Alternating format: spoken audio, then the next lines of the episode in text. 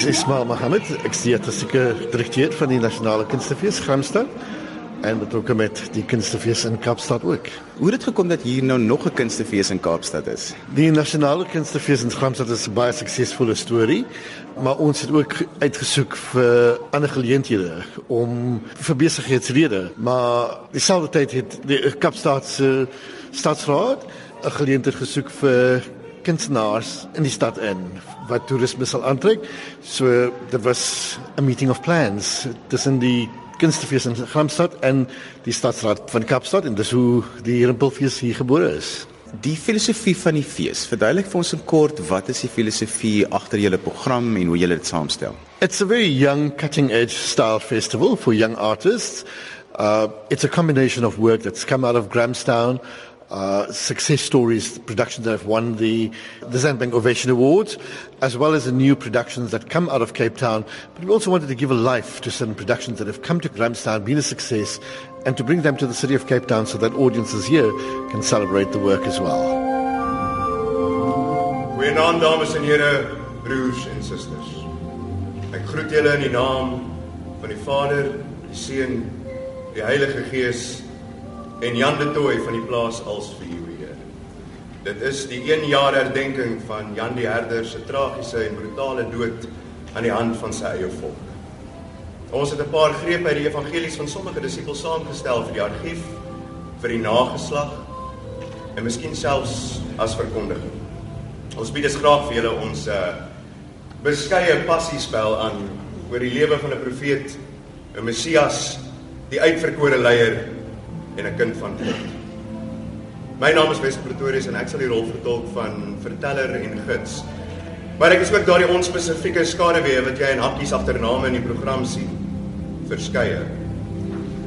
Ons uh waarsku by voorbaat aan sensitiewe gehoorlede dat ek met tye die herinnering van Jan de Tooy die herder mag suggereer. Ons meen hierdeur geen disrespekkie, maar poog om sy naam en erfenis skoon te brand deur die wit vlamme van sy woord en waarheid. Greta Petersen speel Anneleen de Tooy voorheen Malherbe, bekend in die bitterwoordeskat van die media as die herder se Maria. Hallo, my naam is Wessel Pretorius en ek is in al julle volke. Vertel 'n bietjie vir ons van die storielyn. Ek het sopas dit gekyk en dit was baie interessant. Dankie. Ehm um, ja, dit is 'n so 'n vergelyking. Dit gaan oor 'n Afrikaanse seun wat uh glo hy is deur God geroep om die Afrikaners te te lei en ehm um, Ja, en dan kry hy vir 'n klomp disippels, volgelinge wat agter hom aangaan en uiteindelik ehm um, word hy deur die volk doodgemaak en hierdie is swaar vir passie spele ter ere van hom ehm um, en die lewe wat hy gelei het en die beweging wat hy ja. Wat 'n bietjie vir ons van die rolverdeling. Ehm um, Greta Petersen speel Anneleen. Ek het altyd aangedagte gehad toe ek begin het om die show te so half konseptualiseer en ehm um, Ludwig het my rol vervang wat ek gewoonlik gespeel het maar ons uh, besluit om die danser rol in 'n uh, meer uh, so fisiese teater rol te omskep. So dit is ek en Greta en Ludwig. Vertel ons 'n bietjie van die tema van die stuk want dit is baie relevant vir vandag maar dit lewer ook sterk kritiek op die tye van vandag. Man ja, dit was op 'n stadium ek het dit geskryf toe ek in begin skryf ek in Graamsstad was laas jaar en daar was so 'n honger dink ek vir Afrikaanse stories en vir stories wat uit die Afrikaanse kultuur uitkom wat vir my baie interessant was. En ehm um, maar dit was ook die tyd van Steve Hofmeyer en en die in die bos toe hy daar gesing het en stem vir die eerste keer gesing het. So al hierdie goed het in my onderbewussyn begin en ook ek was in Bloed en Rose geweest wat handel oor ehm um, uh Jean d'Arc en dit het 'n verskriklike interessante kwessie gelewer van sê nou maar iemand glo hulle is uitverkore om 'n volk te lei. Ja. Wat is julle terugvoer tot dusver op die stuk? Ons die stuk, jy weet dit is iets weer iets anders ons ek is in 'n in 'n soort van soek tog na my estetika. So daar's niks op die verhoog nie. Daar's 'n bankie, 'n grond en 'n rooi lap en dit is waarmee ons ons storie maak. Ehm um, So dit is ek dink 'n styl waar mense nog is baie keer gewoond raak, baie keer bietjie sukkel om aan vat te kry, Maar die terugvoer was daar's altyd 'n sterk emosionele reaksie. Ek dink net nie hulle weet altyd hoe om dit te verwoord nie. Wat nie altyd hoekom dit so 'n sterk emosionele reaksie is nie. Jy weet dis maar vinnig en ons ons speel met 'n baie swaar beskeie vorm van teater. Ons een persoon wat drie rolle speel en ons maak nie vreeslike groot skuwe in karakter en goed nie. Jy weet ons spesifiese storie vertel. So as mense luister en ek dink hulle verstaan wat die konteks is, dan kan dit nogal 'n sterk emosionele reaksie ontketen. Hoe ervaar julle die Cape Town Fringe teenoor die ander feeste? Man, hierdie is my eerste jaar. Ehm um, ek moet sê die span is baie nice en die organisasie so dis ver was baie baie lekker. Dit is natuurlik altyd net sineweagtig, jy weet, want jy het 2 ure om in te trek 'n show en ons het 2 ure voor julle die show gesien het ons vir die eerste keer die teater betree. So dit is 'n dis 'n adrenalien situasie, maar dit is goed. Ek bedoel dit hou ons op ons tone en dit bring jou terug na kyk ons kan nie meer as dit doen nie. Ons kon nie in 2 ure meer as gedoen het as net hierdie tapuit uitrol in die bankie doen nie. So dit dan moet jy nou maar fokus op op storie en en dis dit, ja.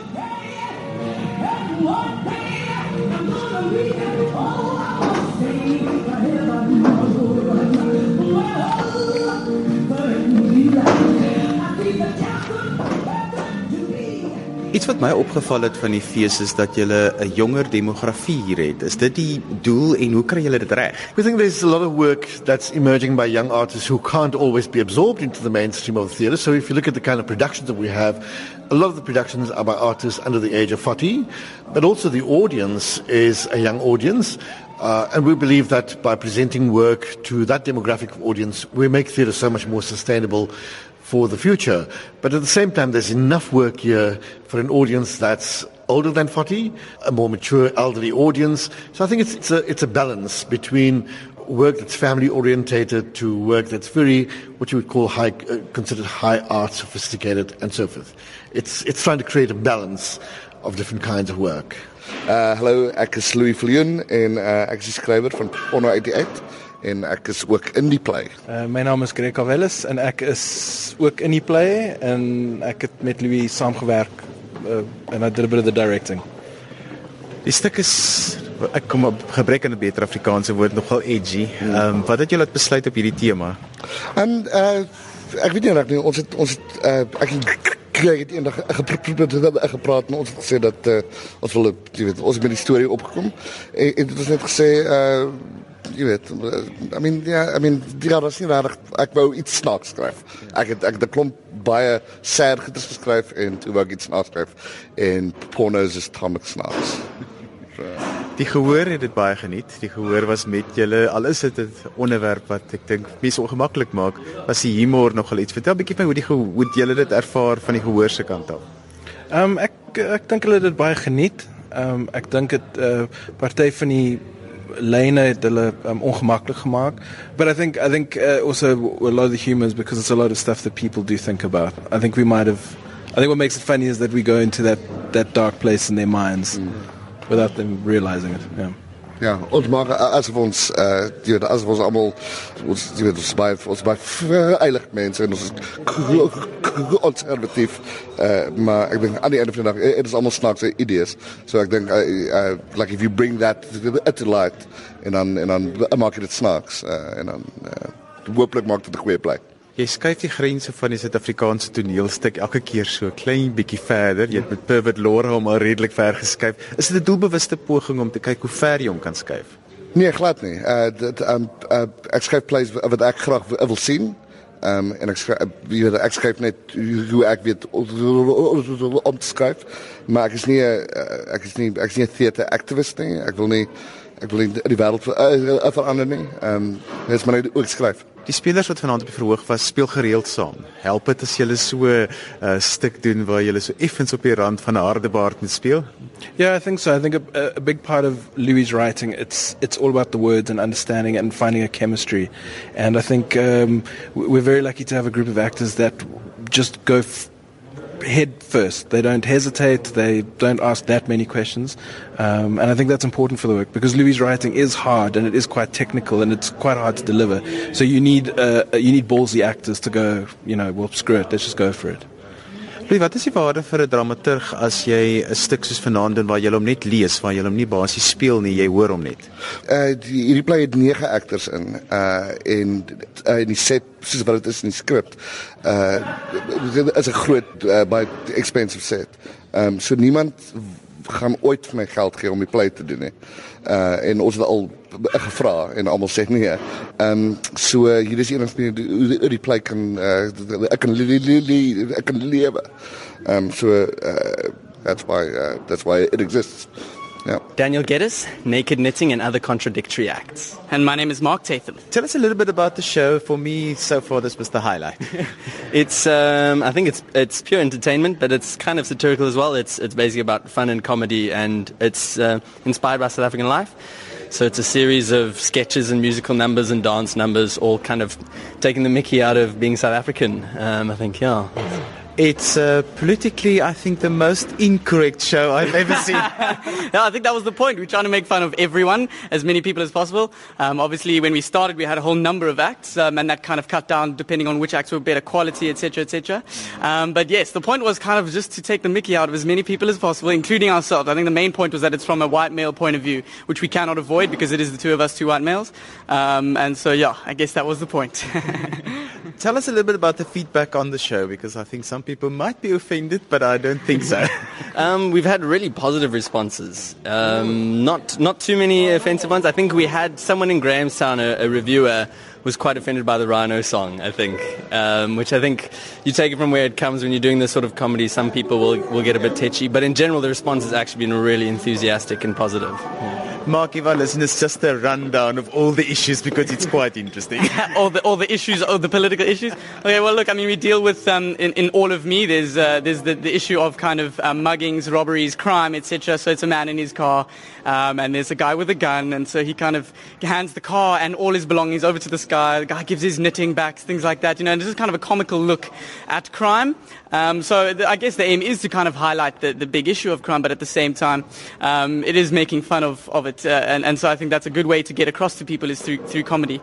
Um, then you have things like, um, obviously, the Rhino song, um, which is all by myself, which is quite, you know, uh, obviously, you know, rhino poaching is such a big issue at the moment. And so there's this rhino who's just all by himself because all his friends are gone. And the only, only friend he has left is a little fly. but the fly irritates him and he kills the fly and he's all by himself. Um, and I think kind of the, the, the, the kind of tugging at the heartstrings moment is when that rhino gets shot, which I think is uh, the point there is to kind of to, to tug at the heartstrings of people. Um, and then let it go, for example, uh, again, it's kind of like about moaning, about complaining. And, you know, as South Africans, sometimes we, we like to complain and things like that. But I think um, the point of that song is that this is home and it is South Africa and it's a rainbow nation. It is, um, it's, the, it's, it's, it's a beautiful country and we, we're really lucky to be here. Daniel, where are you coming from? We are from Joburg. Uh, so we just graduated from WITS, uh, studying dramatic art last year. And last year we sort of like, let's start a theatre company. Um, so that's what we did. So this is sort of our, our second year trying to get into it. Um, yeah, so we're based in Joburg. Um, this is our first venture the- theatrically down to Cape Town, which has been really, really awesome. We really enjoyed it so far. Yeah. My naam is John Jacobs. Um, en hierdie place se naam is District 6, want ek is in District 6.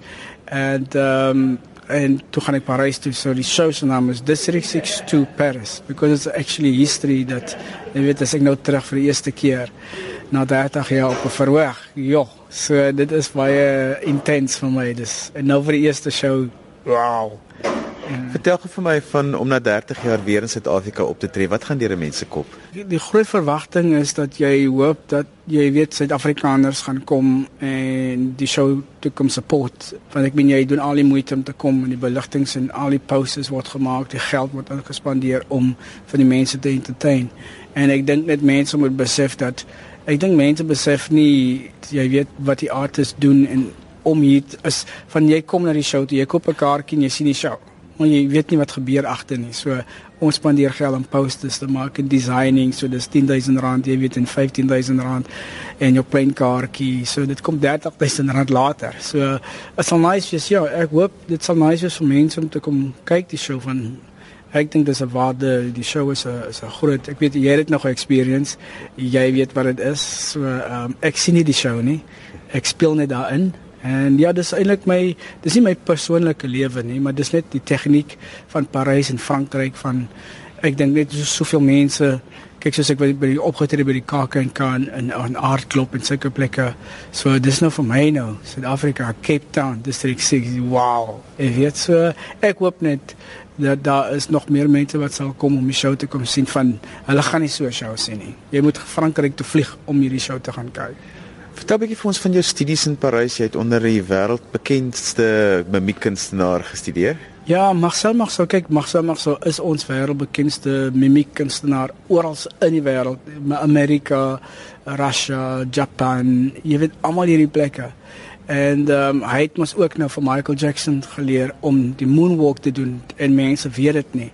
Ehm um, jy weet ek het dit ook nie geweet nie, jy weet, maar is nou net toe ek nog gestudeer het by die skool En toe ek nou daar, jy weet, toe hy gekom eendag na die skool toe Michael Jackson en kom oefen saam met ons, jy weet, so it's like waar jy dit o, oh, jy het die moonwalk geleer, die maak so ons teacher. Wow, jy weet. So ehm um, so dit is nou waar. Ek meen kyk soos niemand weet ewen David Bowie was 'n mime artist gewees. Hy het gestudie mime voor hy gesing het. So jy weet mime is die alfabet van teater. Jy moet dit voor jy kan. Ek meen die B Mr Bean, almal doen mime. Jy weet so ehm um, onder hom te studeer as die meester so ek hoop jy weet ek is ek weet ek is nou ek is die meester in Suid-Afrika en ek wil die meester wees because ek wil julle kinders train. As ek julle kinders kan train beteken dit hulle wil hê jy moet gaan na 'n goeie skool toe eendag. So ek hoop ek gaan nou terugkom kyk hoe lyk dit. Miskien 'n skool begin oopmaak so dis my idee. So ons sal kyk en dan gaan ek volgende jaar terugkom om skole te toer. Uh, jy weet so ek ek hoop ek het groot planne vir volgende jaar. En maar ek nie die ondersteuning van die van die mense nodig, jy weet en so ja. Met groot mense ge, ge, ge, gewerk, so Steve de, Steve Hofmeyer, Dozy, Lorika Rau, ehm um, jy weet baie mense en en en die respek wat hulle vir my gee as ek mimiek as 'n kunstenaar, as hulle vir my kom vra wat dink jy as my show okay en as hulle kan help. Jy weet en Lucas Mare, ai lekker. Ehm um, ag met almal hierdie mense gewerk. So ek dink net die respek wat ek kry van van die Afrikaners en die mense wat my show kom kyk. Jy weet dit dit is dit dit wys dat jou technically is jou werk goed genoeg dat hulle kan dit waardeer en dit is wat ek like van van van my gehoor. Hulle weet hulle kry iets goed waarde vir vir hulle geld en hulle loop weg met 'n goeie goeie. Ek weet nie hoe voel jy? ek het dit baie geniet. Ek wil net die laaste stuk wat jy gedoen het was aangrypend en dit was baie emosioneel vir die gehoor. Ook jy sê ook jy is die duiwel van emosies. Vertel gou vir ons van die spesifieke stuk want dit vir jou baie persoonlike betekenis.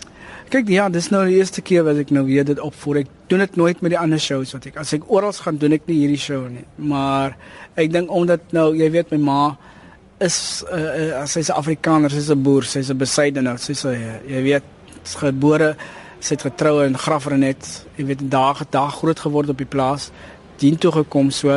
Ek dink net wat sy vir my gegee het, jy weet, um, om hierdie werk te doen en nou as ek terug hier so in Suid-Afrika in distriksies waar ons groot geword het en dit is net vir my nou so emosioneel dat almal hierdie stukke kom nou bymekaar. Jy weet en nou my neef wat hier is en en sy niggie wat hulle maar ook nou verloor het, jy weet my sussie. En dis die eerste keer in hulle lewe wat hulle my show sien. Heel eerste keer. So ek weet ek wil graag hoor wat sê hulle.